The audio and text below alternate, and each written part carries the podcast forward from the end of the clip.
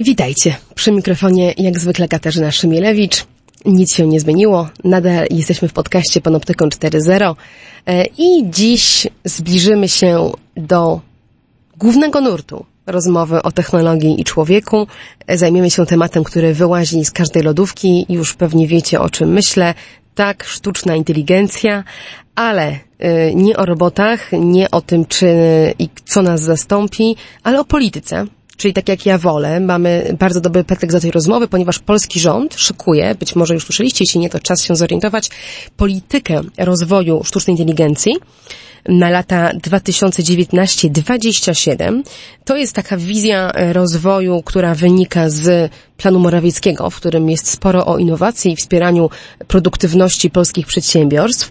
Polska stawia sobie ambitne cele, mm, mianowicie chciałaby gonić światową czołówkę e, i, i zwiększać nasze miejsce w światowych rankingach e, krajów, które produkują tego typu technologie. Ta polityka jeszcze nie jest przyjęta, rząd na nią debatuje, ale myślę, że ten główny cel się nie zmieni, więc spokojnie możemy dzisiaj o nim podyskutować, a nawet może mniej o celu, a bardziej o założeniu, jakie się za nim kryje, czyli że rozwój dziś musi oznaczać inwestowanie właśnie w technologię, a koniecznie yy, i konkretnie w sztuczną inteligencję. Ja takie założenia lubię krytykować, a przynajmniej przyglądać się temu, co za nimi stoi i co z nich wynika. Nie będę tego robić sama. Mam do tej rozmowy idealnego gościa. Ze mną w studiu dziś sam Jan Filip Staniłko, dyrektor Departamentu Innowacji w Ministerstwie Przedsiębiorczości i Technologii, z wykształcenia filozof. W kolejnym kroku, po kolejnych studiach doktor doktoranckich również ekonomista uważany za jednego z architektów planu Morawieckiego. W wywiadach sam przyznaje się do diagnozy, która w tym planie została sformułowana w formie pięciu pułapek, w jakie podobno wpada polska gospodarka. Między innymi są to pułapka średniego dochodu i przeciętnego produktu. Domyślam się, że polityka rozwoju sztucznej inteligencji, o której dziś porozmawiamy, ma polskie przedsiębiorstwa właśnie z tych pułapek wyciągać, wspierając ich produktywność. Hmm dużo trudnych słów, dużo założeń. Będziemy je rozpakowywać po kolei. Ważne jest to dla mnie, że obok Roberta Kroplewskiego Jan Filip Staniłko jest drugą twarzą polityki rozwoju sztucznej inteligencji i właśnie dlatego dziś rozmawiamy. Dzień dobry, witajcie w podcaście Panoptykon 4.0. Mówi do Was Katarzyna Szymielewicz. Jestem prawniczką i prezeską Fundacji Panoptykon, która reaguje na zagrożenia związane z rozwojem nowych technologii i to, co dzieje się na styku tej technologii człowieka. W Panoptykonie 4.0 mam ten komfort, że nie zaglądam do ustaw, nie gadam z politykami, ale mogę zrobić coś ciekawszego, mogę zajrzeć na zaplecze tych technologii, przemyśleć to, skąd się wzięły, co tak naprawdę zmieniają w naszym życiu, jak działają i rozmawiam o tym z ludźmi, którzy wiedzą, wiedzą, bo badają, wiedzą, bo są praktykami e, i tą wiedzą potrafią się dzielić. Technologie i człowiek. Człowiek i technologie. Gdzie na tym styku czekają na nas zagrożenia? Jak korzystać z technologii, by na nich skorzystać? Jak kontrolować, kto gromadzi o nas informacje i do czego ich używa? Z ekspertami i praktykami rozmawia Katarzyna Szymielewicz. Panoptykon 4.0 Podcast TOK FM.pl i Fundacji Panoptykon. Witam. Witam.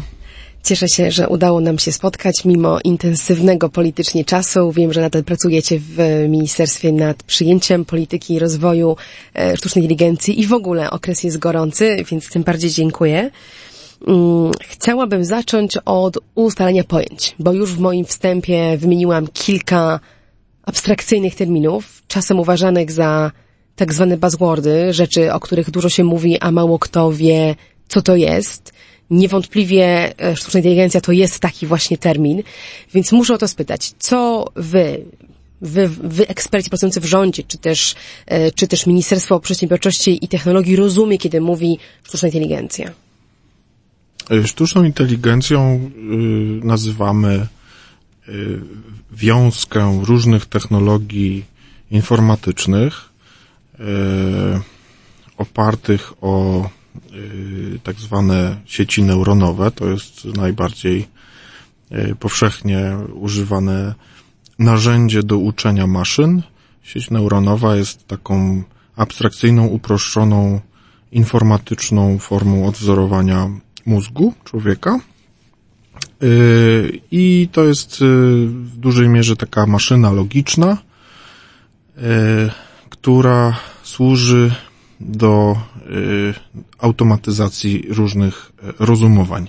Mhm. Ona może komuś coś podpowiadać, może coś rozpoznawać, głos, obraz, może służyć do przekładania jednego obrazu lub tekstu na inny. Jest bardzo dużo różnych zastosowań tego typu maszyny. Y, myślę, że tak dużo, jak tylko sobie jesteśmy w stanie wyobrazić. No chyba, że ktoś sobie wyobraża maszynę, która decyduje za człowieka albo go zastępuje, bo to jest... raczej to, o czym pan teraz mówi, to są metody analizy danych, a nie podejmowanie decyzji jako takie. Podejmowanie decyzji y, jest zawsze decyzją człowieka. Znaczy, jeżeli maszyna ma podejmować decyzję za, za człowieka, to jest to zawsze decyzja człowieka. On podjął decyzję, że tak będzie. Tak, znaczy mhm. w dużym skrócie jest tak, że to są maszyny, które służą do yy, zautomatyzowanej predykcji, do przewidywania czegoś, czyli na przykład jeżeli widzimy yy, swoje, czy pokazujemy maszynie jakieś przykład nasze jakieś tam zdjęcie, to ona mówi, że z prawdopodobieństwem bardzo wysokim, bo była uczona różnymi metodami, e, jest to nasze zdjęcie.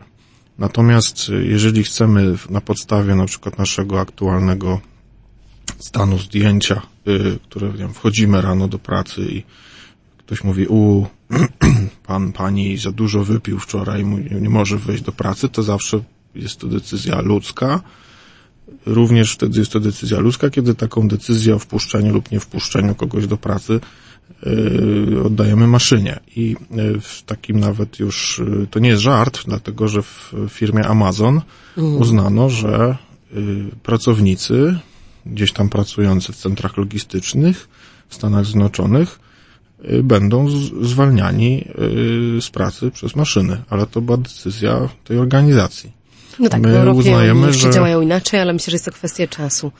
No, my uznajemy w, w Europie i w Polsce w szczególności, że, że to, co się po angielsku nazywa reasoning czy prediction, to jest właśnie ta dziedzina, w której te różne maszynerie się dobrze sprawdzają. Jeżeli model, na którym są oparty, jest oparty, i znowu użyję słowa powszechnie znanego jest e, tak zwany robust, czyli jest tak silny mhm. predykcyjnie, e, to, to tam możemy jej zaufać, natomiast zasady judgment, czyli osąd, który płynie z takiego, a nie innego e, analitycznego wglądu tej maszyny powinien być w rękach ludzkich. No pytam o to dlatego, że umieszczacie w polityce rozwoju właśnie owej AI, sztucznej inteligencji, umieszczacie ją w centrum pewnego pomysłu na rozwój, na zwiększenie produktywności przedsiębiorstw, więc próbuję sobie wyobrazić, w jakich procesach ona miałaby, owa inteligencja uczestniczyć. Czy ona miałaby nam, teraz żartuję, zastąpić tych przedsiębiorców, którzy się nie sprawdzają, czy miałaby wesprzeć ich w jakimś konkretnym obszarze. Czy już macie, projektując taką politykę, wiem, że macie, ale zapytam o to, jakie to są obszary, w których widzicie, że tej inteligencji sztucznej, a nie ludzkiej, nam najbardziej brakuje. Ja myślę, że sztuczna inteligencja najbardziej przydaje się tam, gdzie y, ludzie wykonują pracę robotów, e, a powinni robić to za mhm. ludzi, powinny to robić za ludzi roboty lub y, w wersji takiej czy bardziej cyfrowej nazywa się botami. Y, I paradoksalnie jest bardzo wielu ludzi w bardzo wielu organizacjach, którzy lubią wykonywać pracę robotów. Ona jest Może po prostu... to jest relaksujące. Znaczy jest Bezpieczne. absolutnie nie, nie wymagające nadmiernego prawda, wysiłku intelektualnego. Natomiast wszystko, co jest powtarzalne, rutynowe, bardzo łatwo daje się automatyzować. Yy, korzyść wynikająca z tego to jest zarówno yy, dramatyczne przyspieszenie tych różnych czynności, ale też yy, dramatyczna eliminacja błędów, które są często błędami ludzkimi. Yy, i w tym sensie y, można to, to tak naj, naj, naj, naj, największym skrócie wyjaśnić, że, że, że sztuczna inteligencja jest po to, żeby ludzie zaczęli wykonywać prace ludzkie, a przestali być robotami. Natomiast głębiej schodząc, y, mamy, y, mając takie kontinuum różnych czynności, które człowiek wykonuje. Są czynności twórcze, bardziej kreatywne, również decyzyjne, które długo jeszcze będą poza zasięgiem technologicznym maszyn. Mm, no w ogóle innowacja sama z siebie jest bardzo ludzką umiejętnością, nie tylko umysłową, też organizacyjną. Natomiast z drugiej strony, na, na drugim końcu tego kontinuum są właśnie wszystkie czynności, które podlegają dosyć łatwemu umaszynowieniu i tak naprawdę, kiedy możemy delegować to, co robimy maszynie, a widzimy to w różnych filmach, na przykład Iron Man buduje sobie skafander przy użyciu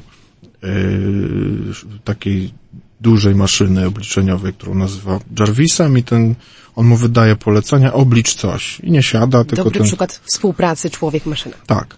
I wówczas y, odsłania nam się tak y, to, co różni konsultanci nazywają miss and middle, czyli ten, ten y, brakujący często w dyskursie również publicznym środek, w którym to ludzie uczą maszyny być bardziej inteligentnymi i to są te różne techniki supervised learning, czyli takiego uczenia pierwotnego właściwie w dużej mierze takiej sieci neuronowej, aby zrozumiała, mm, czym jest to coś, co ma na przykład rozpoznawać i z drugiej strony przede wszystkim nawet, to jest, to jest główna, główna zaleta sztucznej inteligencji, że ona, mówiąc znowu językiem popularnym, nadaje ludziom supermoce.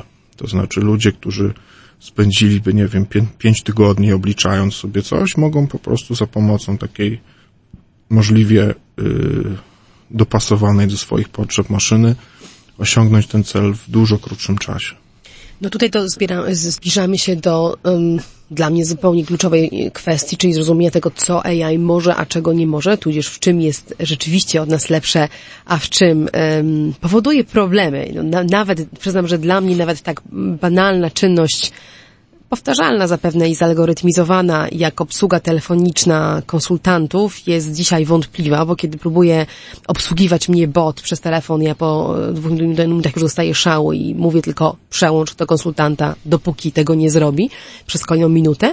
Mm, więc myślę, że ten proces postępuje wolniej może niż byśmy chcieli, e, ale jednocześnie bardzo ważne jest dotknięcie, dotknięcie tego clue, tego, tej, tej współpracy człowiek-maszyna i tego, jak my sobie ją wyobrażamy. Więc w jakich obszarach w idealnym scenariuszu. Oczywiście ja rozumiem, że polityka, którą, którą rząd projektuje, to jest, mm, to jest pewna, pewna projekcja tego, jak powinni zachować się inni gracze w tym biznesownie, nad którymi rząd nie ma póki co kontroli, e, która może się nie sprawdzić, ale gdybyście rzeczywiście mieli mm, możliwość silnej zachęty, wysłania silnego sygnału do tak zwanego rynku, żeby coś z tym zrobił, to co ci przedsiębiorcy konkretnie powinni zrobić? Innymi słowy, mm, czy wy po prostu chcecie inwestować w generalny rozwój tej technologii, bo jest fajna, czy macie jakiś pomysł, gdzie ona miałaby i co uruchomić w tej no, Pani zadała pięć pytań, to ja postaram No dobrze, spakujmy je. po, po kolei na nie odpowiedzieć. Wie Pani, pierwsza maszyna yy, taka parowa maszyna do, do wspomagania tka, tkaczy, czyli krosno mechaniczne, była tak trudna w obsłudze, że przez wiele lat wędrowała ze swoimi konstruktorami, a człowiek, który ją wymyślił, nawet nie umiał jej skonstruować. E, I to dotyka większości urządzeń. Pierwsze parowozy też były trudne w obsłudze, aż po stu latach stały się dużo prostsze. E, każda technologia, kiedy jest w miarę niedojrzała i ten interfejs y, użytkownika ma jeszcze niedopracowany, staje, jest, y, nosi takie znamiona takiej, takiej trochę magicznej y, właśnie maszyny.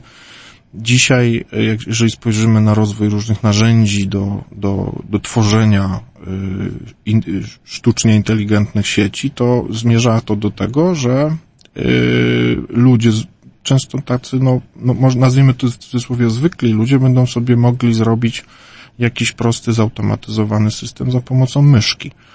E, I to będą takie programy, mówiąc w analogii, do, no, porównywalne z pakietem Office. Pewnie 30 lat temu obsługa pakietu Office wydawała się dosyć skomplikowana.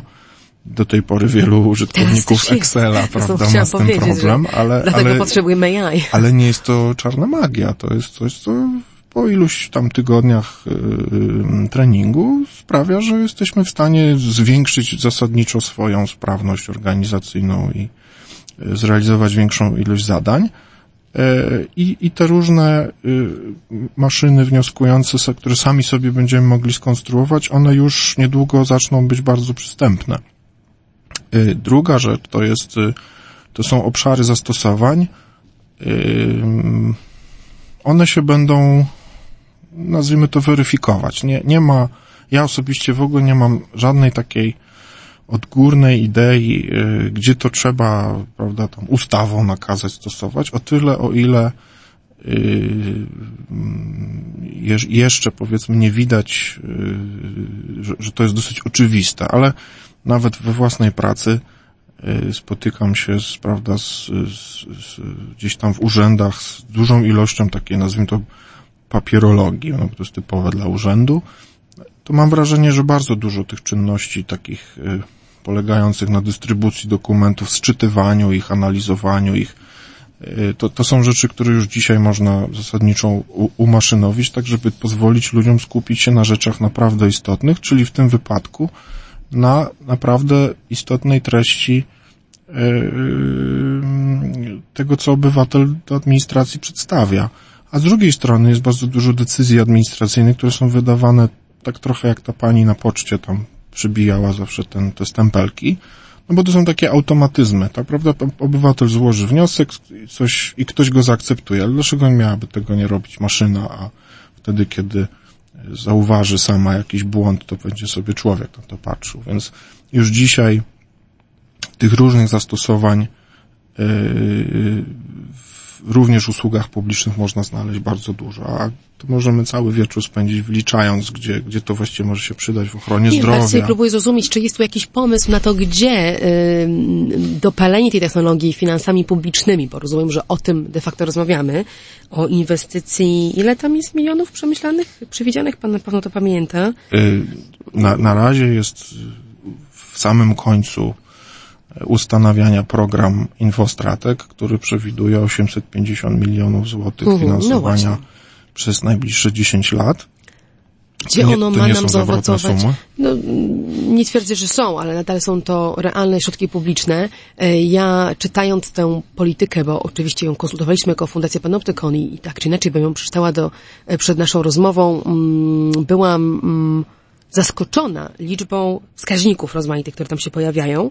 Może tu wychodzi moje doświadczenie z sektora pozarządowego, w którym wskaźnikologia to jest jedna z chorób, z którą, z którą walczymy, ale kiedy czytam mm, wasze propozycje, mm, na przykład takie, że mm, mm, ma się pojawić 700 firm budujących AI, albo do roku 2025 przedsiębiorstwa budujące AI muszą zwiększyć swoją wielkość 25 razy, aby stać się produktywne, albo, e, no, można by długo wymieniać podobne wskaźniki. Znam się, to co nie za są nim, wskaźniki, to jest... e, czy założenia, co To jest nimi... hipotetyczny sposób ujęcia sprawy. To jest zresztą rzecz, którą jeszcze trzeba będzie poprawić w tym dokumencie, właśnie dlatego, że jest troszkę nieczytelna. Myśmy po prostu y, z, zrobili coś w rodzaju benchmarkingu i, i sp- spojrzeliśmy na globalnych liderów i stworzyliśmy swoistą analogię e, do stanu polskiego i y, uznaliśmy, że y, podejmiemy takie ryzyko i pokażemy, jak dużo różnego rodzaju wysiłków też finansowych należałoby podjąć, aby Polska dołączyła do światowej czołówki. To jest taka skala. Natomiast y, kłopot leży w tym, że y, również w tym dokumencie pokazujemy y, no, taką diagnozę polskiego sektora IT, y, który cokolwiek by na różnych konferencjach tam nie opowiadał, to mm, moim zdaniem nie jest w stanie nawet wchłonąć takiej ilości środków, gdybyśmy nawet je wydali. To jest sektor wbrew pozorom o niskiej wartości dodanej, e, bez jakichś większych flagowych produktów rozpoznawalnych globalnie, e, bo poza powiedzmy tam Wiedźminem, jakimiś e, kilkoma Mhm, ma, mało znanymi, mało znanymi, ale cenionymi w rozwiązaniach biznesowych, systemami, nie wiem, marketing automation. Tak naprawdę polska informatyka nie ma koni pociągowych i większości ludzi, ludzi wydaje się, że, że dobrze uposażeni informatycy y, tworzą wspaniałe dzieła, a często polega to na tym, że to informatycy są dobrze wynagradzani, natomiast ich praca tak naprawdę ma niską wartość dodaną, ponieważ oni ją wykonują dla kogoś w jakimś przyjemnym miejscu na świecie. No, ale nawet gdyby wykonywali e, dla kogoś w Krakowie, Warszawie, we Wrocławiu i ten k, podatki od, od pracy tych wszystkich ludzi zostawałyby w Polsce, to ja się zastanawiam nad tym i, i o to dokładnie próbuję zapytać, m, mm, krążąc trochę naokoło, e, jaka wizja rozwoju rozumiem, kraju, która ma dotyczyć nas wszystkich, czyli ma na koniec być korzyścią także obywateli, ma wynikać z tego, że te 700 umownie, tak, nowych firm zwiększy swoją produktywność o 25% dzięki temu, że zacznie pewne rzeczy automatyzować. Mm, co Państwo konkretnie zakładacie? Może inaczej też, co rozumiecie przez sam pomysł na rozwój? My go poznamy po prostu po wzroście e, produktu krajowego brutto, czy jakoś jeszcze inaczej go sobie wyobrażacie? Y, to od tyłu trzeba zacząć. Produktywność pracy w Polsce jest jedną z niższych y, w Europie. To wynika z tego, że praca przez ostatnie 30 lat i to jest również w diagnozie y, stojącej za strategią odpowiedzialnego rozwoju y, wskazane, praca w Polsce była nad, nadmie, jakby czynnik pracy był w, w nadmiarze w stosunku do popytu.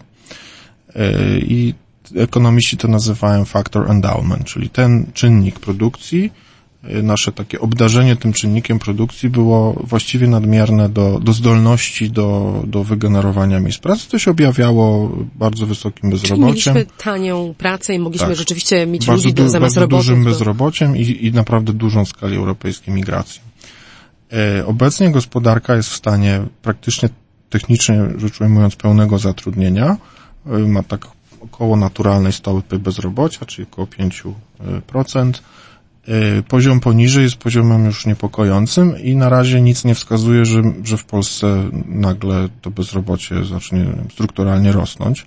Z drugiej strony, jeżeli rozwój sztucznej inteligencji na świecie będzie się gwałtownie postępował, to bezrobocie technologiczne nam grozi. I teraz y, z jednej strony, i to jest clue tej strategii czy, czy polityki, y, firmy, w ogóle wszelkiego rodzaju organizacje, zarówno publiczne, jak i prywatne, powinny nauczyć się absorbować tę technologię i uczynić ją y, kolejnym czynnikiem produkcji, oprócz kapitału, pracy, organizacji, technologii takiej fizycznej e, czy, czy surowców. To dla nas e, to, to wszystko jest możliwe wtedy, kiedy mamy, kiedy gospodarka i organizacje generują dane różnego rodzaju i decyzje, które są podejmowane w tych firmach, również są oparte o dane. I tutaj taka anegdotka. Ostatnio sobie rozmawialiśmy z, z, z takim jednym z głównych technologów znanej dosyć e, firmy polskiej, która zajmuje się właśnie e, takimi inteligentnymi systemami wspierające, wspierającymi decyzje sprzedażowe. Firma się nazywa Synrise, tak? To jest znana firma, która e, też wspiera Wisłę Kraków i tak dalej, Państwo mogą to skojarzyć. I zazwyczaj mało kto rozumie, czym oni się zajmują, więc w dużym uproszczeniu się zajmują, oni takie, tworzą tak, taką tak zwaną szklaną kulę marketingu, czyli decydent, który zajmuje się... Przewidują przyszłość? Nie, nie. Znaczy on, ona pozwala zrozumieć bardzo dobrze klientów. I problem w trakcie jednej z prezentacji y, takiego produktu dla właściciela sporej polskiej firmy był taki, że oni mu powiedzieli, proszę zadać naszej szklanej kuli jakiekolwiek pytanie. Aha, prawie trafiło. A on nie umiał zadać żadnego pytania. Y, ponieważ niestety lub stety do tej pory jego decyzje biznesowe były oparte na intuicji. Co oznacza, że y, zarządzanie w organizacjach, kiedy mamy systemy inteligentne, jest zupełnie inne niż wtedy, kiedy bazujemy na takiej y, rutynie albo intuicji biznesowej. To są organizacje dużo bardziej racjonalne. E, albo przynajmniej potrafią wytłumaczyć swoje decyzje swoim interesariuszom. Tak, tak, ale to racjonalne w sensie ekonomicznym. One, y, tam decyzje są dużo bardziej oparte o dane. Y, Są z dużo mniejszą, y, z dużo mniejszą ilością arbitralności, ale też wymagają y, innych kompetencji od menedżerów. I teraz proszę zauwa- zauważyć, że jakby wdrożenie tego typu systemów w organizacjach może na przykład zaburzyć hierarchie profesjonalne, Może się starsi- okazać, że ktoś młodszy potrafi stawiać lepsze pytania. tak, tak, tak. Dlatego y, w praktyce stawia to bardzo wiele wyzwań, które są bardzo ludzkie. No, tych barier jest, jest, jest e, ogromnie dużo. Nie chodzi tylko o to, od czego pan zaczął, czyli nawet gdybyśmy mieli pieniądze, załóżmy, że już jakiś mamy, bo rząd jakiś przygotowuje. Nie mamy ludzi, którzy Nie, potrafią je wykorzystać. Utnijmy od razu ten wątek. Pieniędzy na innowacje w Polsce jest naprawdę dużo. Mhm. Y, mogą mieć niekiedy dosyć taką mm, uciążliwą formę prawną, bo to wynika No z dobrze, tego, że są z są. Mhm. Unii Europejskiej, a akurat czynnika takiego finansowego na dzień dzisiejszy nam nie brakuje. To czego brakuje i to mówią wszystkie e, firmy się tym zajmujące, to jest najnormalniej w świecie ogóle świadomości, do czego to się może komukolwiek przydać. No dlatego też ja o to pytam, do czego to ma się nam przydać? I, i, i kolejna rzecz, do, do, do której zmierzam, zresztą podsunął mi ten wątek e, Jan Zagmuntowski, ekonomista, z którym rozmawiałam o tej polityce rozwoju AI, który też był jeden z głosów ją konstruktywnie krytykujących, e, który zwrócił moją uwagę na, uwagę na to, że kraje wysoko rozwinięte, podobno, to, to, to, to jest jego opinia, nie moja, ale, ale dlatego ją cytuję, już przestają myśleć o narzędziach, takich jak AI, które były modne są modne, były modne bardzo dekadę temu i zaczynają przeorientowywać swoje myślenie e, o rozwoju na tak zwane, tu teraz ja zrobię wycieczkę do angielskiego, Mission Oriented Innovation, czyli szukają sobie e, rozwiązań do konkretnego problemu. Tak? Najpierw mamy problem, załóżmy nie potrafimy zarządzić dobrze transportem e, w mieście, albo mamy problem cywilizacyjny, albo problem z, nie wiem, trendami w ochronie zdrowia, czy, czy jakąś inną optymalizacją, którą chcemy wprowadzić i od tego problemu wychodzimy, jakby cofamy się do narzędzia. Czy takie myślenie również jest gdzieś w tej e, stra- strategii, polityce, którą rząd polski rozwija obecne, czy jednak przez to, że mamy e, różną, różni nas ten, dwie, dwie dekady zapóźnienia mniej więcej wobec tych innych krajów Europy Zachodniej, potrzebujemy najpierw poinwestować w narzędzia, bo nawet tego nie mamy, a potem zadamy sobie pytanie po co? Jakie problemy chcemy rozwiązywać? Nie, to w ogóle są dwa równoległe problemy. Tu chodzi o to, że y, wy, wytworzenie od zera y, sieci neuronowej naprawdę dobrej to są straszliwe pieniądze. Y, To są setki milionów złotych. Y, I mało jest w ogóle organizacji na świecie, które są zdolne taki koszt ponieść. Te narzędzia są głównie schowane w, w gigantycznych cyfrowych koncernach typu Google, Amazon. Nie wiem, czy Państwo wiecie, ale Google Brain bodaj, tam są takie dwie w Google spółki, DeepMind i Brain. Brain jest e, wyhodowany wewnątrz Google'a, a DeepMind DeepMind został był, kupiony. był kupiony. To jest, jest e, spółka z Anglii. Czyli da się to kupić. Ale tak. trzeba mieć trochę gotówki. Tak, jest bardzo drogie. To są spółki, które przynoszą miliardowe straty. W sensie one nie generują zysku. Te zyski są bardzo odroczone. Amazon przez ponad dekadę nie raportował w ogóle zysków i Jeff Bezos mówił, że to jest wszystko po to, żeby rozwijać firmę. Yy, Ilu takich inwestorów w Polsce, w Polsce pani zna, którzy byliby gotowi e, pokryć przez 10 lat na przykład rozwój jakiegoś produktu? Ja nie znam i mam dużą pokorę wobec tego, jak ta technologia jest właśnie e, kosztożerna, dlatego między innymi też to próbuję zrozumieć. Czy my naprawdę chcemy ich doganiać? Czy my się będziemy ścigać teraz nie, nie, to nie, jako nie, nie, nie. No, kraj? no, znaczy, z, nie oszukujmy z kim się. nie, ścigamy i, o co nie, jest ten wyścig? Nie dogonimy y, liderów, możemy w, w skali w ogóle środków. Nie mamy też tak olbrzymich y, organizacji i nie mamy takiej ilości danych w gospodarce w ogóle, jako całej. Nie ma ich ani w Do jeszcze przedsiębiorstwach, wrócimy, bo to ciekawy wątek. ani, y, ani w sektorze publicznym. My powinniśmy, mówiąc y, tak bardzo prosto, nauczyć się to robić tak dobrze jak oni. Ale w nauczyć się korzystać z ich narzędzi, które kupimy, Jedno i drugie. czy Znaczy, budować skromniejsze własne? Również swoje. Proszę, weźmy język naturalny. Y, Załóżmy, że- że to jest, to nie zresztą abstrakcyjny projekt, bo takie przymiarki są, że zrobimy sobie y, takiego zautomatyzowanego translatora języków słowiańskich i y, dzięki temu podróż pomiędzy y, Gdańskiem a, y, nie wiem, tam Chorwacją czy, czy Bułgarią będzie taką podróżą po prawdziwym Międzymorzu.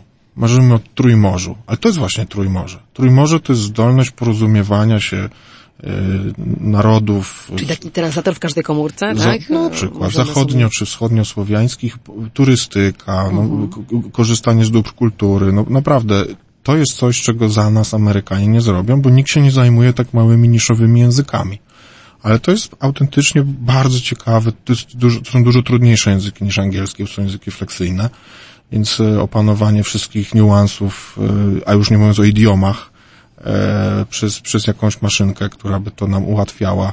Ktoś użyje idiomu chorwackiego, a my polskiego i my się będziemy jakoś tam mogli w naszym tam hotelu, gdzie lubimy jeździć. Szczególnie prawda? czeski i polski mogą być ciekawe. No właśnie. Dużo więc, czeskich pomyłek. no więc właśnie, y, choćby do tego to może służyć, to jest nasza taka sztuczna inteligencja na własną, naszą miarę, bo to jest nasz świat, w którym żyjemy. Y, Więc tak mówiąc trochę górnolotnie, to, to, to ta jest polityka, która mówi o tym, że powinniśmy za- zanurzyć y, y, tą, tą, tą nową ogólnoświatową technologię w naszym świecie przeżywanym, uczynić ją taką nie y, potworem, który nas odwiedza i tam boi siedzi w szafie i my się bardzo go boimy, tylko go oswoić. Do tego nie potrzeba aż tak wielkich pieniędzy, natomiast jakieś jednak potrzeba. Jakąś e, aglomerację e, talentów również potrzeba. No, tu jest takie proste wyzwanie, że prawdopodobnie więcej Polaków e, na bardzo wysokim poziomie zajmuje się sztuczną inteligencją poza Polską niż w Polsce. W Polsce jest to około, środowisko około 200 badaczy, myślę, że na, na, za granicą to jest pewnie dwa, trzy razy tyle. Oni również pracują w tych wielkich firmach. No i teraz wyobraźmy sobie jeden wirtualny instytut badawczy, który też e, potrzebuje jakichś środków, żeby funkcjonować, który staje się partnerem kilku globalnych firm i to w Polsce powstaje, e, nazwijmy to środkowoeuropejski oddział e, jakiejś wielkiej korporacji, która, e, która e, globalnej, która rozwija takie technologie. Google już ma swój oddział, ale do innych rzeczy. Tak, znaczy największy zespół w ogóle sztucznej inteligencji w Polsce jest w Gdańsku, w Intelu. To są Polacy, którzy pomagają zautomatyzować e, samochody BMW. Ale to znowu są te kazusy, o których Pan mówił wcześniej, czyli polskie, e, po, polski kapitał intelektualny, który karmi zysk firmy globalnej, firmy zagranicznej i e, służy transferowaniu tej wartości e, bardziej za granicę niż jej, niż jej generowaniu w kraju. Y, I tak i nie. To znaczy, je- jeżeli spojrzy Pani na, na kraj, który prawdopodobnie odniósł w, tej, w tym obszarze największy sukces na świecie, to jest Kanada, to właśnie ta historyjka tak wyglądała. To jest y, Jeffrey Hinton, czyli taki badacz, który y, no, olbrzymie zasługi w, w popchnięciu deep learning do, do, do poziomu technologii przemysłowej, czyli takiej, która można używać poza laboratorium. Przez wiele lat odmawiał, aby, y, odmawiał propozycji pracy w Google. On po prostu powiedział, że on chce pracować ze studentami, chce ich uczyć, chce, żeby to nie była tajemnica zamknięta w wieży w kości słoniowej, tylko chciałby to propagować. Z drugiej strony, tylko wielkie firmy dla takich super utalentowanych ludzi są w stanie zaoferować em, bardzo takie ambitne wyzwania, dużą ilość danych, świetne to środowisko technologiczne, yy, stale unowocześniane, co w takim sektorze yy, naukowym jest trudne, choćby dlatego, że nauka musi się posługiwać zamówieniami publicznymi i zanim się zamówienie skończy, to już Mhm. technologia może się sprzętowo zmienić. Problem też się może skończyć. Y, tak, i ym, więc te mission driven innovations, o której tu była mowa, y, one również y, w świecie zachodnim są rozwiązywane w formie partnerstw.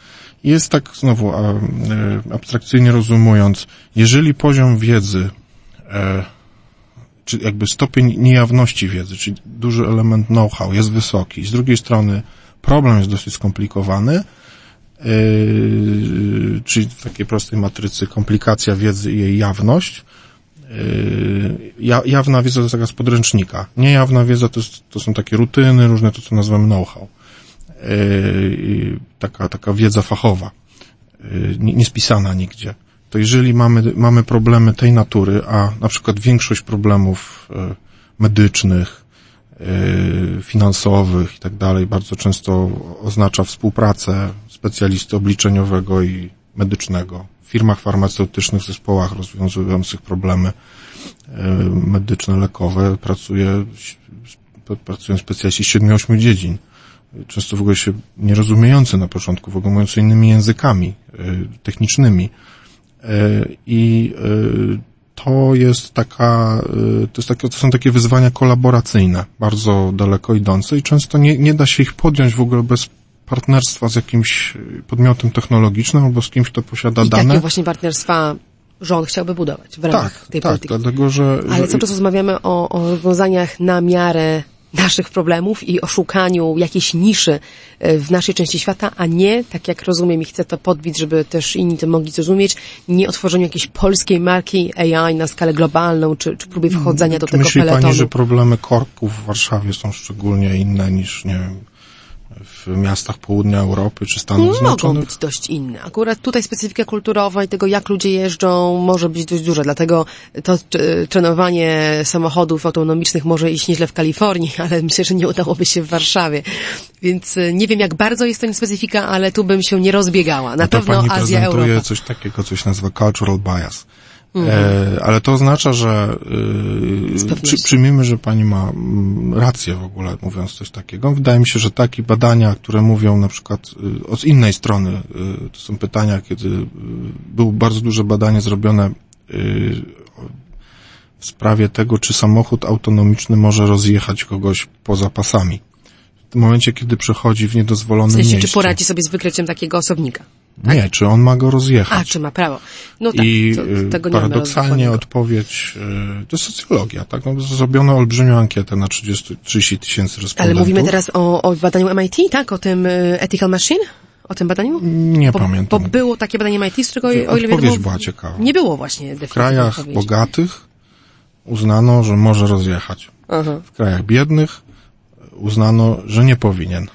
I to samo z siebie jest, przejawia niejako też stosunek pra, do prawa, społeczeństw y, i y, no, du, dużo skomplikowanych z rzeczy. statystyczną korelację między tym, jak często występuje taki człowiek poza pasami w kraju Europy Zachodniej typu Niemcy i w Indiach, tak? Gdzie głównie występuje poza pasami, więc no byłoby No to właśnie, szaleństwem. ale, ale z ekonomii rozwojowej, z ekonomii rozwojowej wiemy, że y, stosunek do prawa różnych społeczeństw jest silnie skorelowany z zamożnością.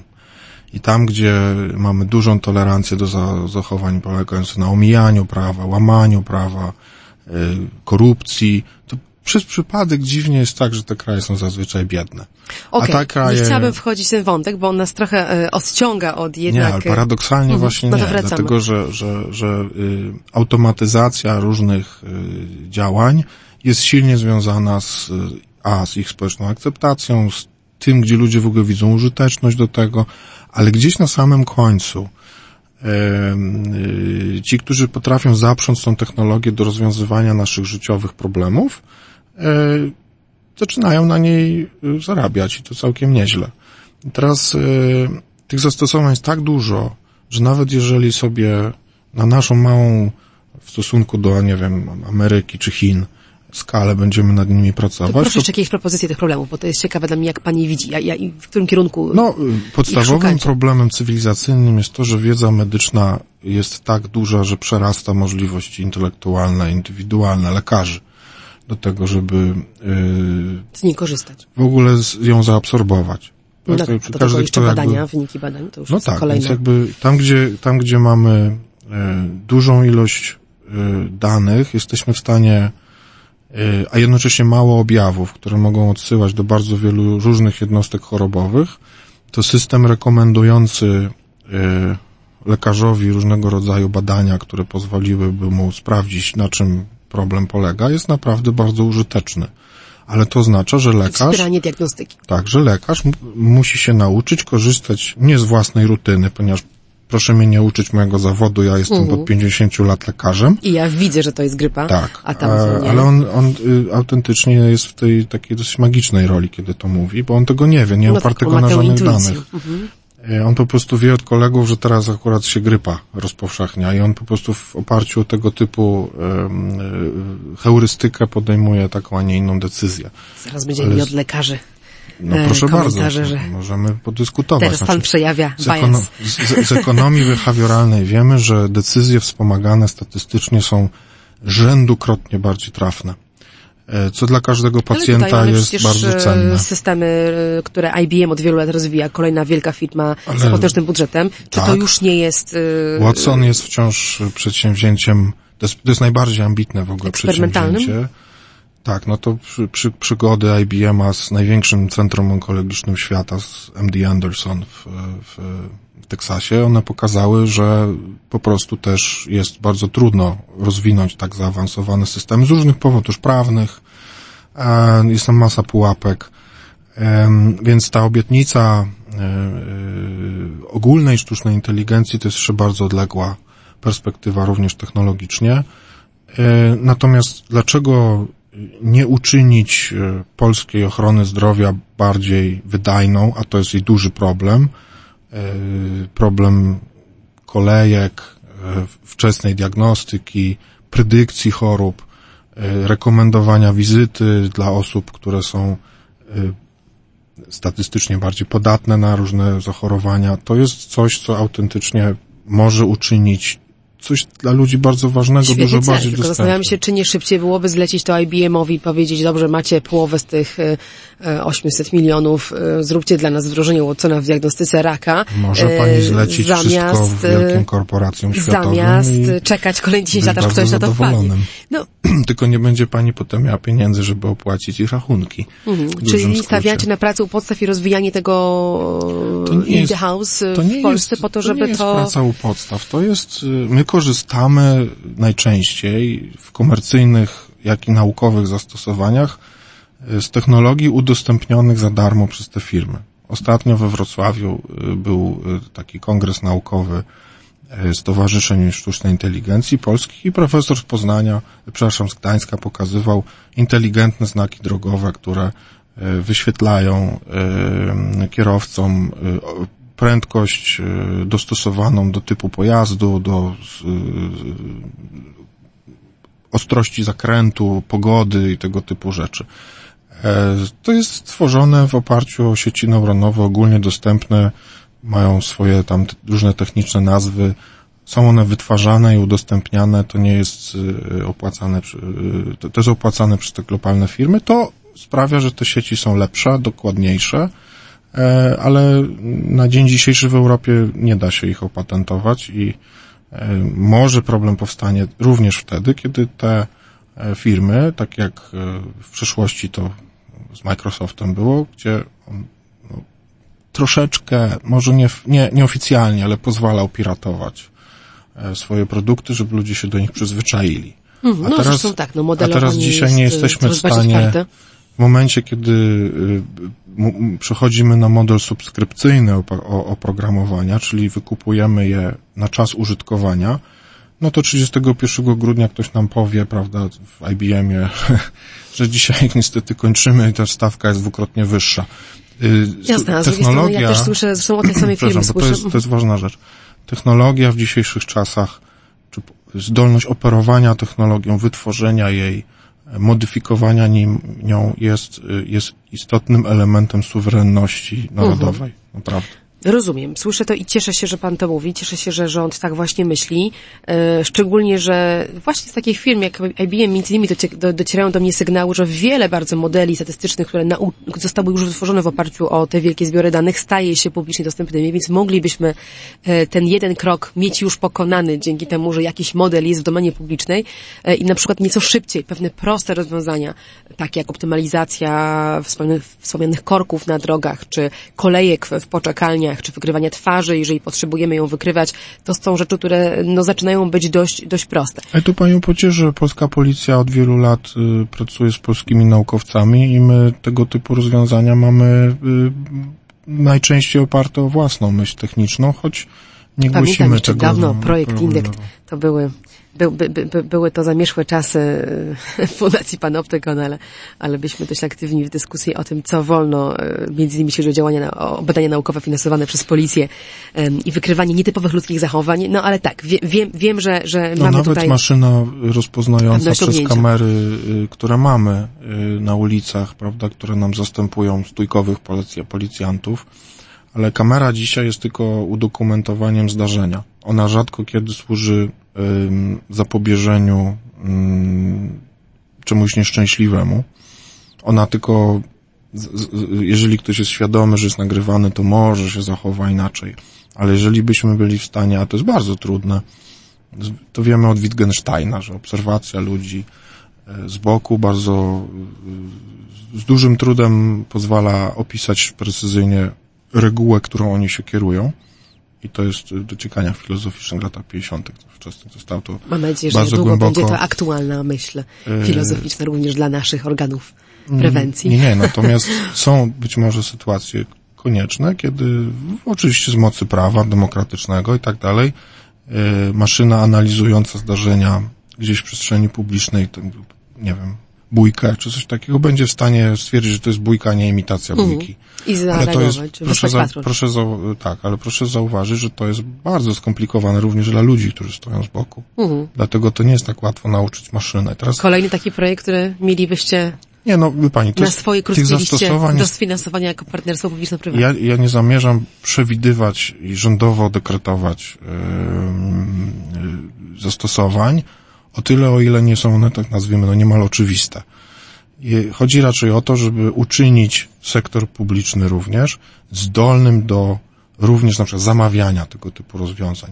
I w tam, sposób, który tam w dokumencie, nie zubaża nas i nie uzależnia nas od tak zwanych zachodnich korporacji. Tam w tym dokumencie jest również y, zaproponowane, aby y, duże urzędy centralne w tak zwanym pionie dyrektora generalnego, który jest po prostu dyrektorem tego urzędu, i zarządza tym urzędem, takim menedżerem wewnętrznym, ma olbrzymi wpływ na funkcjonowanie tych urzędów, żeby w jego pionie byli zarówno e,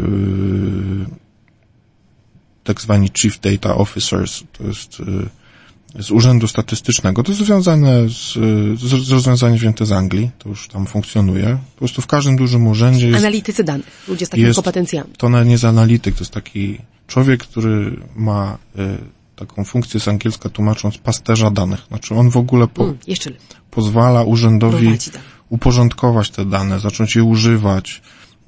Jest znany z administracji fenomen tak zwany zgniłych danych, znaczy, że jest ich bardzo dużo, ale nikt, nikt nic nie jest w stanie wyciągnąć, ponieważ nikt nie inwestuje w narzędzia analityczne, ani w kompetencje. się błędnych. Tak, y, czyli, czyli te wszystkie kwestie związane z, z, z urzędową higieną danych to jest naprawdę ważne, ale potem dla na przykład dużo bardziej precyzyjnej i, i, i rozgrywającej się w czasie rzeczywistym statystyki publicznej e, są potężne uzyski. I to jest taka bardziej kompetencja, nazwijmy to taki data science, e, ale dzięki temu, że urząd, jakikolwiek centralny urząd, to jest Główna Dyrekcja Dróg Krajowych czy, i Autostrad, Narodowy Fundusz Zdrowia, ZUS, czy ministerstwa, e, tacy ludzie mając jeszcze Y, obok tych ludzi oddanych, ludzi od zamawiania technologii, czyli takich ludzi, którzy są menedżerami zakupów, ale naprawdę rozumiejącymi, co to znaczy kupić skomplikowany technologicznie system, choćby w trybie, który my określamy GovTech, czyli y, zamówieniu, który urząd niejako rzuca tam, nazwijmy to różnym startupom, tak, czy jakimś firmom, które są w stanie dla niego stworzyć skrojone rozwiązanie, taki urząd staje się dużo bardziej zdolny do, do absorbowania nowoczesnej technologii, którą inkorporuje w to, jak funkcjonuje. Jest mhm. tańszy, sprawniejszy. Dobrze. To, to nie, to, jest, to, to, nie jest science fiction, natomiast to oznacza inny kierunek inwestycji, e, na przykład znowu nie w zwiększenie zatrudnienia, tylko w to, żeby te pieniądze na przykład przekierować w kompetencje, w wiedzę ludzi, którzy pracują w tych instytucjach. To teraz odwróćmy problem, nawiązując też do tego, co Pan sam powiedział chwilę wcześniej, problem dostępu do danych, jeżeli mamy już system, który działa czy w administracji publicznej, czy w polskiej firmie innowacyjnej, która próbuje jakiś problem, na który zgadzamy się, że jest problemem rozwiązać, ale nie jest to Amazon, nie jest to Google, który od dwóch e, ponad dekad gromadzi dane o ludziach, obserwując ich codziennie e, i musi taką bazę zbudować sama, to wydaje się zupełnie nie, nie, nie, nierealne, e, a jednocześnie w administracji publicznej możemy mieć do czynienia z danymi, które są, tak jak powiedzieliśmy, czy zgniłe, czy nieaktualne, czy niekompletne. Czy wyobrażacie sobie w ramach tej polityki lub jako kolejny krok taki ruch regulacyjny, żeby pewne dane komercyjne uspołeczniać. czyli zabierać się firmom mm, komercyjnym, czy polskim, czy zagranicznym, to jest bez znaczenia, e, zabierać to duże słowo. Dane akurat nie są, jak dobrze wiemy, zasobem, który trzeba dzielić, który trzeba przenosić. Można go wykorzystywać wspólnie, więc bardziej chodzi o ich otwieranie e, w celu na przykład trenowania algorytmów, które będą służyły dobrym celom publicznym, jak choćby wspomniane przez nas zdrowie czy transport. Czy taki kierunek e, wykorzystywania danych komercyjnych dla celów, zacznijmy, społecznych, jest w Polsce do pomyślenia? Myślę, że to jest bardzo trudno wykonalne na dzień dzisiejszy. Ja bym w ogóle się cofnął jeszcze jednak trzy kroki. Yy, powiem, dlaczego to jest trudne. Yy, wydobycie, czy ten taki, yy, po angielsku się mówi enforcement, czyli to takie przymuszenie kogoś, kto ma, kto dysponuje tymi danymi, żeby je udostępnił. Na przykład, jeżeli to jest wielka firma amerykańska, no wie pani, przyjedzie przyleci Air Force One i nas napomni. Hmm. E, to tak się nie odbywa. No, ale można e, na przykład działać na, na rzecz takiego rozwiązania na poziomie unijnym, tak, na którym takie jest, rzeczy już się zaczynają I to dziać. jest zupełnie inna dyskusja i wtedy ma pani, yy, powiedzmy, case dyrektywy PSD2. Tak, gdzie, gdzie, gdzie olbrzymią. Mhm. Olbrzymią, olbrzymie organizacje, no de facto przymuszono. Przypomnijmy, że chodzi o banki i o to, że banki musiały zacząć, zaczęły otwierać częściowo swoje systemy dla konkurencyjnych firm, które nadbudowują nowe usługi na tym Ale ma to też swoje również negatywne konsekwencje. Y, mamy potężny problem z, z penetracją rynku europejskiego przez takie, no właśnie, pozaeuropejskie platformy handlowe a typu AliExpress, które przywożą y, w oparciu o dotowaną przez państwo chińskie kolej, E, czyli ten cały jedwabny szlak, olbrzymią ilość absolutnie substandardowych dóbr, które ludzie sobie online kupują, e, z nadrukowanym znakiem CE, czyli z, z, całą, obchodząc całkowicie całą kontrolę rynku europejskiego związaną z bezpieczeństwem produktowym. I ludzie są oczywiście super zadowoleni, że tam sobie kupił nie wiem, okładkę do, do, do telefonu albo serower skręcił z części. Ale po pierwsze podatki są w ogóle gdzieś indziej płacone, absolutnie nie idzie dociec żadnego e, żadnej odpowiedzialności za wadliwość tego produktu. No, nie widzę związku między moim pytaniem o dostęp do danych a AliExpress. Zgubiłem to. Nikt pani nie jest w stanie, nikt, nikt nie jest w stanie przymusić tego AliExpressu, żeby on te dane udostępnił, bo będzie miała pani natychmiast problemy z rządem chińskim. To jest, to jest wymiar geopolityczny. Może pani to zrobić uszczelnienie rynku europejskiego wobec platform zewnętrznych. E, jest wielkim wyzwaniem, myśmy to analizowali przez ostatni rok. To jest absolutnie europejskie wyzwanie. Druga rzecz, że dyrektywa PSD2 umożliwiła stworzenie AliExpressowi swoich własnych systemów płatniczych, których nie jest w stanie, nie jest pani w stanie w ogóle nawet yy, punktu poboru podatków określić. No rozumiem, czyli otwartość działa w obie strony? To działa w obie strony. Druga hmm. rzecz. Jest olbrzymia ilość problemów. Yy, pani się skupia siłą rzeczy i siłą swoich zainteresowań na, na problemach, nazwijmy to szeroko rozumianego, danych o konsumentach lub obywatelach, a mam gigantyczną ilość danych w procesach przemysłowych. Sama kontrola jakości yy, odlewu do szklanki Mhm. E, czy, czy co z nimi? Czy możemy do, do, do jakości, jakości blachy, e, czegokolwiek, co pani robi, tam e, ilości drzazg w meblu, no, może pani sobie wymyśleć te, te mhm. wyzwania właściwie w nieskończoność. To jest coś, co, co nie wymaga aż tak dużej otoczki prawnej. Mhm. I tutaj nie, nie ma większego problemu, żeby operować tymi danymi. I po trzecie, to co nas najbardziej ogranicza, to jest chęć do dzielenia się nimi. Yy, dlatego, że dzielenie się nimi jest bardziej opłacalne, tylko jest nieintuicyjne. My uważamy biznesowo, większość biznesmenów uważa, że oni będą za bardziej zabezpieczeni, jeżeli ich dane będą przy nich. Ale wiemy też, że, że organizacje, które szybciej rozwijają produkt, są pierwsze na rynku, ich ten tak zwany time to market jest krótszy, e, no, ostatecznie zwyciężają, dlatego że logika konkurencji w gospodarce cyfrowej jest jednak inna niż w gospodarce fizycznej. I y, naprawdę mechanizmy konsensualne w jeśli chodzi o dzielenie danych, mają olbrzymi potencjał, ale największą ich blokadą jest właśnie świadomość korzyści płynąca ze współdzielenia i również zbudowania narzędzi prawnych, do tego, żeby się w takich transakcjach, bo to są rzeczy różnego rodzaju transakcje, odpowiednio zabezpieczyć i żeby zmniejszyć te koszty transakcyjne. Jeżeli one są niskie i uczestnicy rynku zaczynają rozumieć wartość tego typu transakcji, to one będą zachodzić. Przymuszanie kogokolwiek prawem do tego typu działań to jest nazwijmy taki trochę akt rozpaczy regulatora, znaczy, że on już widzi, że się nic żadną inną metodą tego nie da zrobić, w związku z tym, no dobrze, to ja ich przymuszę ale nie powinno się tego robić. Nie zaczynalibyście od, od takiej metody, chociaż jeśli chodzi o to, to, to moja refleksja mm, ad vocem i, i zaraz wrócimy do tego przemysłu. Ale dam Pani jeden ciekawe. przykład regulacyjny, mhm. to znaczy y, niedawno powołana Agencja Badań Medycznych jest y, z ustawy upełnomocniona do dostępu do wszystkich y, badań medycznych w Polsce. Hmm, świetnie. I wokół niej już w tej chwili Y, z pomocą dwóch uczelni medycznych i y, też w oparciu o kilka dużych projektów badawczych finansowanych ze środków europejskich, powoli zaczyna się takie rozwój takiego dużego, takiego nazwijmy medycznego huba danowego, to znaczy, żebyśmy mogli gromadzić różne dane medyczne, e, zacząć je analizować dla dobra polskiej nauki, wokół czego oczywiście E, powstanie okazja do tego, żeby lekarze zebrali się z, właśnie z tymi data sciences i w ogóle zaczęli uczyć się użytkować tych nowych technologii. A bo kto to nie będzie tak... te dane musiał udostępniać? Każdy prowadzący w Polsce na terenie polskie badania medyczne? Jak, jakie tu jest kryterium? Y, chodzi o to, żeby stworzyć, y, jeżeli ma Pani dane medyczne z publicznej opieki zdrowia, no to zdrowotnej, no to na, na, na początek trzeba w ogóle nimi zarządzać. One powinny być dostępny, a dla pacjenta to jest na razie jeszcze wciąż niezbyt proste, y, b dla użytków naukowych, tak?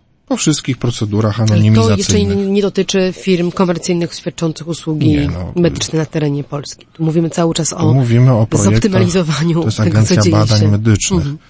I w momencie, kiedy ma Pani taki data pool, duży zbiór anotowanych, ustrukturyzowanych danych, i chce Pani e, e, znowu zachęcić do e, partnerów do rozwoju ekosystemu, na przykład biotechnologii w Polsce, to mówi Pani tak, zyskasz dostęp do naszych danych, jeżeli dorzucisz do nie swoje dane. No tak, mając już wtedy... jakiś zasób, możemy zyskać... Tak, czyli jeżeli pani nie ma nic, i chce pani przewagę. wszystkich zmusić, że tak ograbić danych za pomocą regulacji, no, to ani nie... Złe słowo nie, no tak. Otworzyć ich zasoby dla jakichś celów. tak, a dlaczego firma Novartis czy Roche ma udostępniać w Polsce takie dane? Nie ma żadnej ani możliwości, żeby to zrobić, bo obie są spoza Unii Europejskiej, e, ani nie ma takiej siły, która by ich do tego zmusiła, ale dużo prościej byłoby zachęcić do tego, żeby e, Wymienili się. Lokowali tutaj, a firma Roche ma duży dział e, też rozwoju sztucznej inteligencji medycznej w Poznaniu po prostu dorzuciła jeszcze trochę danych i właściwie wszyscy na tym korzystamy. Rozumiem. Mój adwokat miał dotyczyć tego, że jest bardzo wyraźny zwrot w myśleniu politycznym po obu stronach Atlantyku, czyli e, myślę teraz o amerykańskiej komisji, Federalnej Komisji Handlu i e, Komisji Europejskiej w Brukseli, które dojrzewają do jakichś działań strukturalnych wobec tych największych firm internetowych od lat.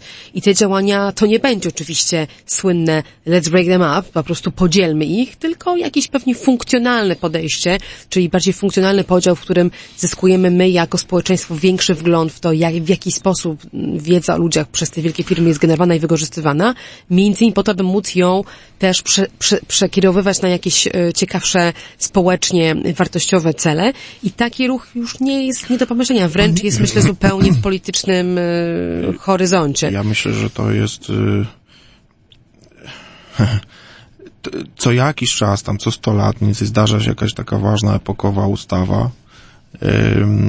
Pod koniec, jeżeli dobrze pamiętam, XIX wieku przegłosowano w Stanach Zjednoczonych coś, co się nazywało Sherman Act, to był taki y, y, fundamentalna ustawa y, antitrust, to się nazywa po angielsku, czyli taki przeciwko zmowom przemysłowym, e, która umożliwiła później podzielenie koncernu Standard Oil.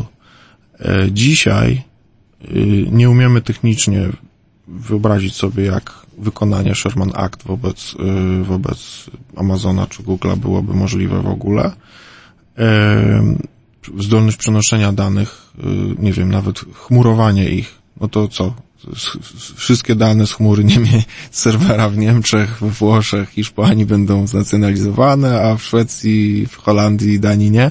Nie, to, jest... nie musi być tak, nie musimy no, no, ruszać no, danych surowych. Nie, no, Możemy no, okej, okay, teraz, ale znowu. Otwierać modele i inne Dobrze, produkty. Ot, otworzę pani model i co poczyta sobie pani, co pani z tego zrozumie. Ja sobie tylko poczytam, ale są ludzie, którzy będą potrafili, tak jak już wcześniej mówiliśmy, z tego jest, skorzystać. To jest, znaczy, moim zdaniem to jest mrzonka. Znaczy, ludzie nie są w stanie zrozumieć skomplikowania tych sieci. to nie jest oferta dla ludzi. To jest oferta dla naukowców, badaczy, firm, które rozwijają dodatkowe usługi, czyli to jest myślenie wspieraniem biznesu i innowacji poważnej, nie, a nie, Niemcy, nie jest to oferta dla konsumentów. Niemcy w swoim yy, takim dużym dokumencie o cyfrowych platformach, gdzie, gdzie, gdzie jest y, dużo więcej niż tylko o platformach.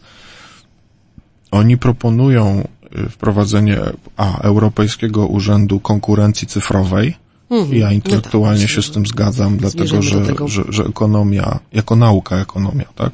Nie gospodarka, czy ekonomii, tylko economics, y, to jest dziedzina, która wbrew pozorom się dość wolno rozwija, znaczy ona jest kilka lat za fenomenami gospodarczymi, bo musi zrozumieć. Mamy jeden Nobel y, już przyznany dla Żana Tirola za opis fenomenu platform dwustronnych i, i, i opis tego, jak bardzo inaczej rozgrywa się konkurencja w takiej platformowej gospodarce niż w takiej klasycznej y, gospodarce firm, co dało w ogóle jakieś narzędzia urzędom regulacyjnym do tego, żeby rozumieć, czy, czy zaburzenie konkurencji w ogóle zaistniało, mhm. czy nie i w wypadku Google'a czy Amazona. No mamy wiele spraw potwierdzających, że zaistniało. To już wiem. No ale potrzebuje pani pojęć w ogóle do tego, żeby zrozumieć, czy to jest zaburzenie, czy nie, a poza tym po drugie, nie, proszę pamiętać, że konkurencja sama w sobie to nie jest cel. To jest coś, Oczywiście. co... Dlatego tutaj rozmawiamy o innym celu, o celu takim, którym jest wykorzystanie wiedzy.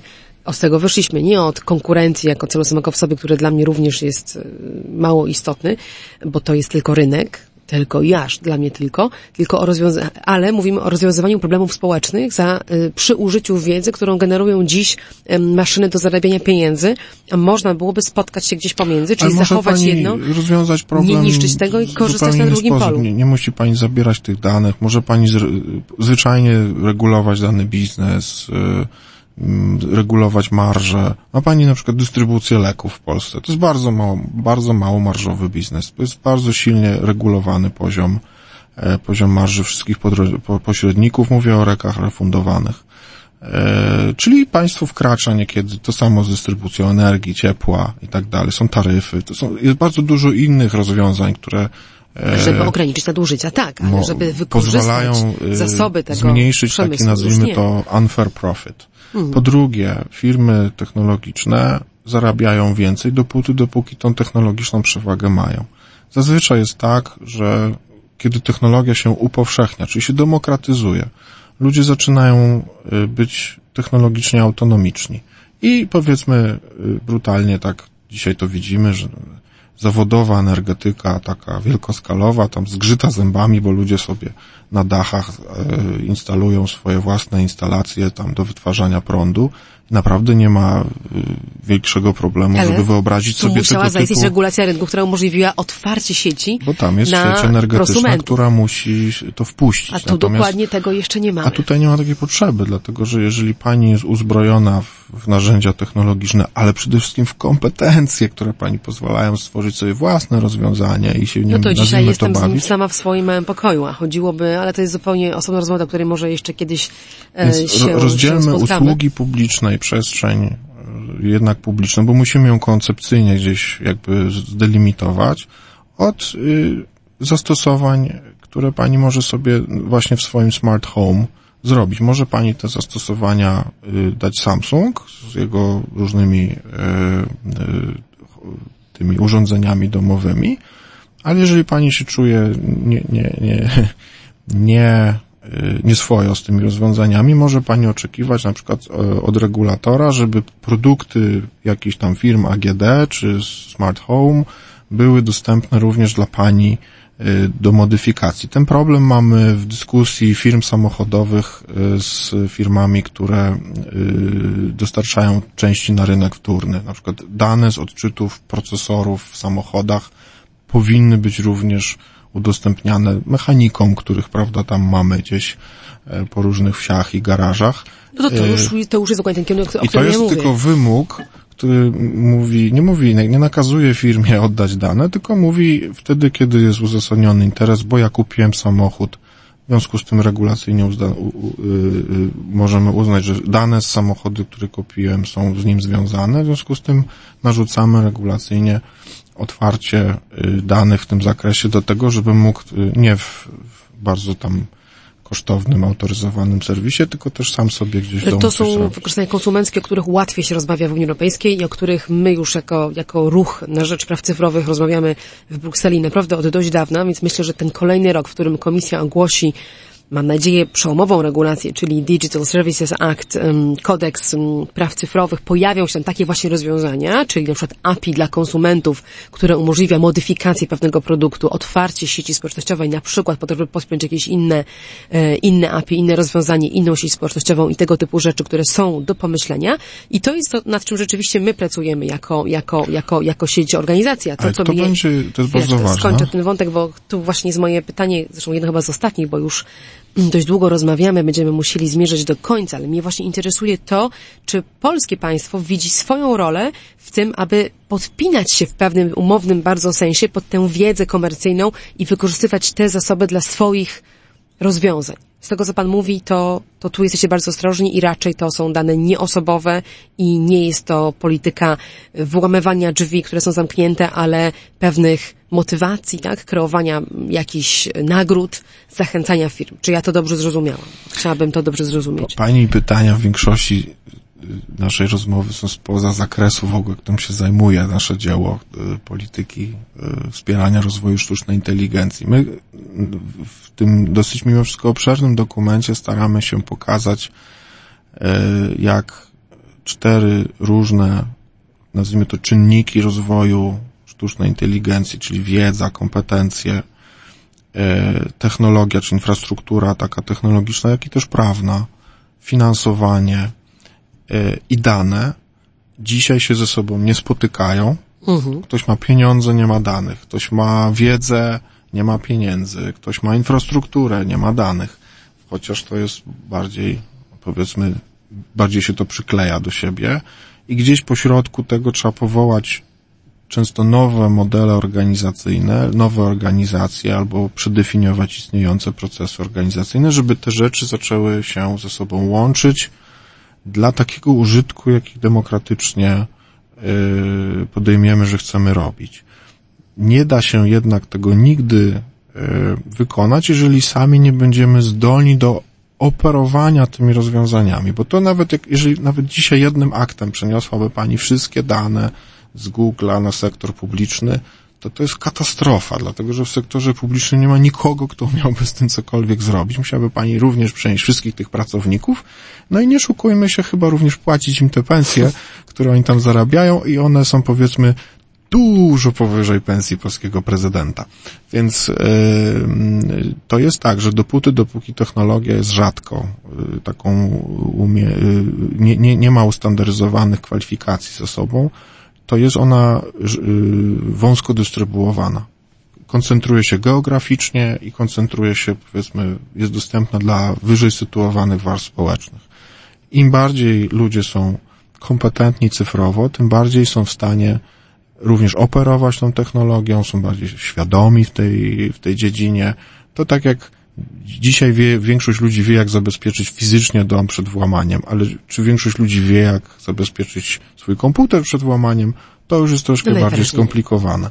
Czyli tak naprawdę, y, żeby w ogóle dojść do demokratycznych decyzji, y, na których pani zależy, trzeba w ogóle skupić się na tym, na czym jest obywatelstwo w cyfrowej republice, tak? A to oznacza, że tak jak od Która czasów, nie ma granic. od czasów sta- nie, nie, nie, to, nie to, a to jest, to jest skomplikowane akurat, bo ona może i powinna mieć granice. A to wiemy już od czasów starożytnych, że obywatelem nie zostaje się tak po prostu, bo się ktoś urodził. To jest tylko takie prawo nabyte y, z faktu urodzenia do, do, nie wiem, do głosowań. Natomiast obywatelem w sensie cnoty obywatelskiej zostaje się w dłuższym procesie. Trzeba, czy większość Ciekawe. obywateli Chę- Chętnie ten wątek w innej rozmowie, yy, zaganiając jeszcze tutaj nas yy, oboje do konkluzji, bo czuję, że możemy tak długo, doprecyzuję moją fantazję o udostępnianiu danych. Nie chodzi rzeczywiście o dane surowe, to byłoby absurdalne i szkodliwe i w pełni się zgadzam, że nie ma żadnego sensu ruszać e, zasobów surowych, bo one by nas mogły co najwyżej przygnieść swoją, swoim rozmiarem. Chodzi raczej o korzystanie z wiedzy, która wychodzi z tych systemów. Czyli biorąc przykład pierwszy z brzegu e, Ubera, który mapuje miasto, e, wyniki operacji Ubera mogą być ciekawe dla miasta Warszawy. To są tak proste rzeczy, więc nie musimy naprawdę zanurzać się w serwery Google. Możemy zapytać Google o e, trendy zdrowotne. Możemy zapytać Google e, inaczej niż pyta klient wyszukiwarki o pewne trendy czy zjawiska, które Google z racji na swoją mm, zdolność analityczną widzi, a może państwo czy rząd ich nie widzi. nie zdradza to jest, wielkiej tajemnicy to jest ta chyba, fantazja. że Ministerstwo Zdrowia od czasu do czasu zapy- Zagląda. Zapytuje Google'a, co to tam co to tam ludzie wyszukują dzisiaj, bo faktycznie jak, jak, mają, dostaje. jak mają katar, czy tam, prawda, grypę, czy ich coś boli, to zazwyczaj sięgają do Google'a i bardzo szybko widać. No ale rozumiem, że robi to w trybie uprzejmości, a nie trybie, nie ma na to trybu, może tak. No tak, no dobrze, tylko... korzysta z y, jakiejś I tu są dwie, tu są dwie możliwości. Dobrotliwości. Je- jeżeli ma pani y, na przykład publiczne, interaktywne mapy, których utrzymanie i rozwijanie jest bardzo kosztowne, to po pierwsze musi pani zapytać obywateli, czy oni się godzą na to, żeby z ich podatków to jednak utrzymywać i wytłumaczyć im, bo oni powiedzą, a przecież w Google jest za darmo. To po co ja jeszcze płacić w podatkach? Więc to, No jest, to jest dłuższy proces wytłumaczenia, dlaczego trzeba mieć swoją mapę. Bo to jest, bo, a suwerenność jest droga. I to nie jest tak, że, Hmm. Się. że Niemcy na przykład nie chcą utrzymywać, przepraszam wszystkich Niemców, Bundeswehry. No to jest drogie. Jesteśmy narodem handlowym, miłującym pokój. Po co mamy utrzymywać te wszystkie czołgi? Oddajmy je Polakom. No się to zrobili i są krajem w dużej mierze bezbronnym. Więc y, suwerenność również technologii, każda suwerenność kosztuje. I my chcemy, również gotowi w inwestować. Jako, A my jako na swoją miarę i w swoim, y, w, ob- w obrębie zasobów, które dzisiaj mamy, żeby o tą suwerenność dbać, musimy też w nią inwestować. Ta, do, ta y, polityka stara się pokazać, dlaczego nie należy się bać tych inwestycji, dlaczego one są bardzo zasadne, gdzie te inwestycje powinny zajść, żeby dały maksymalny efekt y, taki społeczno-gospodarczy. Y, Do w sumie innowatorów należy też wymyślenie tych nowych zastosowań, o tyle o ile nie są one dosyć oczywiste. Ilość problemów prawnych, które się rodzą w trakcie tych zastosowań y, jest duża, ale lepiej zacząć je rozpoznawać stosując niż czekać, aż ktoś inny do tego punktu dojdzie, a my będziemy się zajmowali tylko pierwsze pytaniem, czy to aby bezpieczne i czy w ogóle należy to robić. Ja jestem akurat z tej szkoły, która woli coś rozpoznawać bojem, niż zastanawiać się, y, czy, czy ja mogę tego użyć, bo zazwyczaj paradoksalnie może będę bezpieczniejszy, ale za to też biedniejszy. No dobrze, rozumiem, że chcemy być e, i bezpieczni, i bogaci. Ostatnie doprecyzowanie, już nie pytanie, bo boję się otwierać kolejne wątki, e, czując, jak dobrze nam idzie tutaj mm, rozwijanie ich. E, bank danych. Czy w ramach tych koncepcji, które macie, na, które są na stole, wyobrażacie sobie, że mógłby, choćby dla dan- danych nieosobowych, o których Pan mówił, e, danych przemysłowych, danych, które firmy będą chciały przekazywać, bo będą czuły się do tego zmotywowane jakąś korzyścią, powstanie coś ala bank danych, to też jest jedna z rzeczy, którą, jedną z koncepcji, którą- którą lansuje ekonomista Jan Zygmuntowski w swoich e, różnych mm, wystąpieniach, więc to jest ciekawe, ja się trochę tego boję, bo nie lubię centralnych To zbiorów jest danych, y, niewykonalne. wolę jak one są zdecentralizowane, ale No, jestem ale ciekawa, to czy coś każdy takiego bank krąży. kosztuje. Bank Narodowy też dużo kosztuje, choć nie, zauważamy tego kosztu. To nie chodzi o to, żeby budować jakieś banki i kto, i kto będzie zarządzał tym bankiem, jak go wybierzemy. To jest w ogóle pełno różnych problemów. To chodzi raczej o stworzenie takich szyn gospodarczych, aby transakcje wykonywane e, w, w oparciu o dane i y, również dotyczące danych e, były możliwie sprawne. I jeżeli ku, bo, bo natura danych, taka ekonomiczna natura danych jest e, zbliżona do dóbr publicznych. To jest dosyć skomplikowane, bo one z, z jakiej strony byśmy na nie nie patrzyli, to one mają trochę różne cechy i są znane niekiedy nawet noblowskie artykuły, które mówią o tym, jakie mamy typy dóbr, są prywatne, klubowe, publiczne i tak zwane commons, czyli takie ryby, powietrze, prawda, tam lasy i tak dalej. No więc gdzie są w tym wszystkim tej całej układance Gdzie dane? jest CO2 w tym wszystkim i dane? To jest podobna Yy, kategoria. To jest no. commons.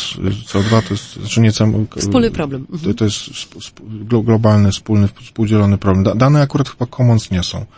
E, ale, ale mają, mają różne cechy i w zależności od użytku, który z nich robimy, mo- możemy takiego regulować. On jest czysto rynkowy, zaż, będą zachodzić normalne y, rynkowe transakcje. Jeżeli jest publiczny, to raczej powinniśmy zarządzać nimi tak, jak się zarządza dobrami publicznymi. Jeżeli jest klubowy, a to jest bardzo, ja osobiście jestem za, za, za klubowym rozumieniem danych, no to na przykład prosta zasada wzajemności jest bardzo skuteczna. Czyli jeżeli chcesz wejść do klubu, no wpi- wzłóż, wzłóż wpisowe, prawda? Więc jakby chcesz z nami dzielić Okej. dane, to Otwieramy sobie... klub dla y, zasobnych danych korporacji i dajemy w swoje własne, nasze wpisowe jako, jako Polski, to No, ma są pani dane publiczne. ten problem, y, można musimy- narzekać, że korporacje są jakby złe, no, ale one mają dane, my nie. Które, no to ja nie I, mówię, że są y, złe, po prostu są for profit, są za, zarządzane w kierunku zysku, a mnie interesuje Od tego- problemów społecznych, to jest jedyna są, różnica. Od tego są korporacje. Natura czasów, w których żyjemy jest taka, że korporacje z, z racji kompetencji, wiedzy, właśnie uposażenia technicznego, uposażenia danowego są potężniejsze niż rządy, tak? I, No to, tak I to nie jest chyba sąd nadmiernie kontrowersyjny. Więc chodzi o to, nie, żeby... nie w tym podcaście, nie. Yy, Chodzi o to, żeby yy, dojść do punktu, metodą pewnie jakąś tam prób i błędów, w której yy, po- pożytki prywatne właścicieli tych korporacji, akcjonariuszy w dużej mierze, bo to mówimy o amerykańskich najczęściej korporacjach, yy, i rządów yy, rozumianych jako przedstawiciele obywateli, bo oczywiście w kontekście amerykańskim można powiedzieć, powiedzieć że- rząd spiskuje z korporacjami przeciwko obywatelom. To też jest e, tak zupełnie realna e, taka, ja jestem republikaninem z, z, jakby z poglądów politycznych, więc dla mnie to pytanie, czy rząd nie spiskuje przeciwko mnie e, Jest za, za pomocą zasadne. danych jest bardzo zasadne, więc tam, gdzie y, mamy tego typu problemy, no w historii żeśmy ustanawiali nowe instytucje, jakichś obserwatorów, sędziów pokoju, y, różnych, y, różnych ról opartych na wiedzy i zaufaniu do tego człowieka, że on w imieniu interesu publicznego, obywateli jest w stanie coś monitorować, kontrolować. Ale te problemy są jeszcze yy, tak naprawdę, one również wymagają innowacji prawnych. To nie jest tak, że one są gotowe, rozwiązane, gdzieś sobie skąd się przeniesiemy. Yy, ja bym chciał tylko uniknąć sytuacji, w której yy, jednak obawy bardziej niż racjonalne, ugruntowane yy, naruszenia interesu yy, jakby wpływają na, na, na tempo rozwoju technologicznego, bo chciałbym powiedzieć tak wprost, nic nie zmieniło ludzkości przez ostatnie 300 lat bardziej niż technologia. To nie, wiem, że w tym radiu to może być pewien taki kontrowersyjny osąd, ale to technologia uwolniła kobiety. Tak? To technologia dała im e, Co na to zdolność, kobiety? zdolność Odezwał się na pewno. no tak, ale jak spojrzymy tam historycznie, Może wojna. prawda? No nic, Nie, nie, nie, nie, nie ale, chcę, ale wojny są też technologiczne, tak? One, one też, natura wojny się zmieniła, natura zarządzania gospodarstwem domowym się zmieniła. My w ogóle mamy dużo więcej czasu, tak? To technologia dała nam w ogóle do dyspozycji czas Zdolność wolny. walki o jakieś prawa. A tak? Arystoteles, swoją... bo ja bardzo lubię się do Arystotelesa wracać, uczył, że człowieka szlachetnego poznajemy po tym, jak umie spędzać czas wolny. No i tu też również mamy wyzwania technologiczne, takie, prawda, jak uzależnienie człowieka od urządzeń technologicznych. Dobra, tak dobra, dalej. dobra. Parkuję, parkuję. Jak już wracamy do Arystotelesa i wchodzimy w smartfony uzależnienia, czyli otwieramy bodajże dziesiąty ciekawy temat, który moglibyśmy kiedyś pociągnąć. Może pociągniemy któryś z Ale nich to jeszcze. również jest coś, co można robić, tak? Znaczy monitorowanie dzieci, y, jakie To to, też one jest tam, ciekawy projekt prawda, y, treści oglądają w internecie, po, Jest pomoc rodzicom w tym. No. Jest sporo takich usług, więc można byłoby to robić z pomocą państwa, można byłoby robić jeszcze nie, lepsze. Niekoniecznie państwa. To nie państwo ma mieć wiedzę o tym, co y, ogląda w internecie dziecko, tylko państwo może pomóc rodzicom na przykład uzyskać dostęp do jakiejś takiej aplikacji. Mhm. e, promować takie pro, w ramach swojego programu Choćby. edukacyjnego takie albo rozwiązania. wspierać stworzenie tej aplikacji. Mhm. Dlaczego mają za to płacić rodzice? Niektórzy są mniej świadomi. A dlaczego to nie może być y, w szkołach wdrożone? Tak? Znaczy, to No naprawdę są rzeczy, które Ja, ja bym podchodził do tego bardziej tak, nazwijmy to kreatywnie. I jeżeli mamy, jeżeli mamy, y, ja, ja bym chciał po prostu, żeby polskie państwo było bardziej inteligentne niż sztuczna inteligencja. Okej, niech to będzie puenta tej rozmowy. Nie najgorsza, też bym chyba chciała.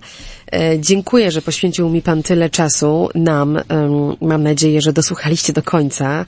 Jeśli nie zrobimy jakiś sprytny skrót dla tych, dla, któ- którzy potrzebują krócej, ale temat jest ciekawy i można robić wielorakie, jak było zresztą słychać dzisiaj w tej rozmowie, wycieczki. Myślę, że do wielu z tych wątków jeszcze wrócę. Na pewno wrócę do wątku etycznej sztucznej inteligencji, tudzież tego, co Komisja Europejska nazywa godną zaufania e, sztuczną inteligencją, ale to już być może z Robertem Kroplewskim, e, drugim z ojców tej polityki e, rozwoju sztucznej inteligencji w jakimś innym terminie.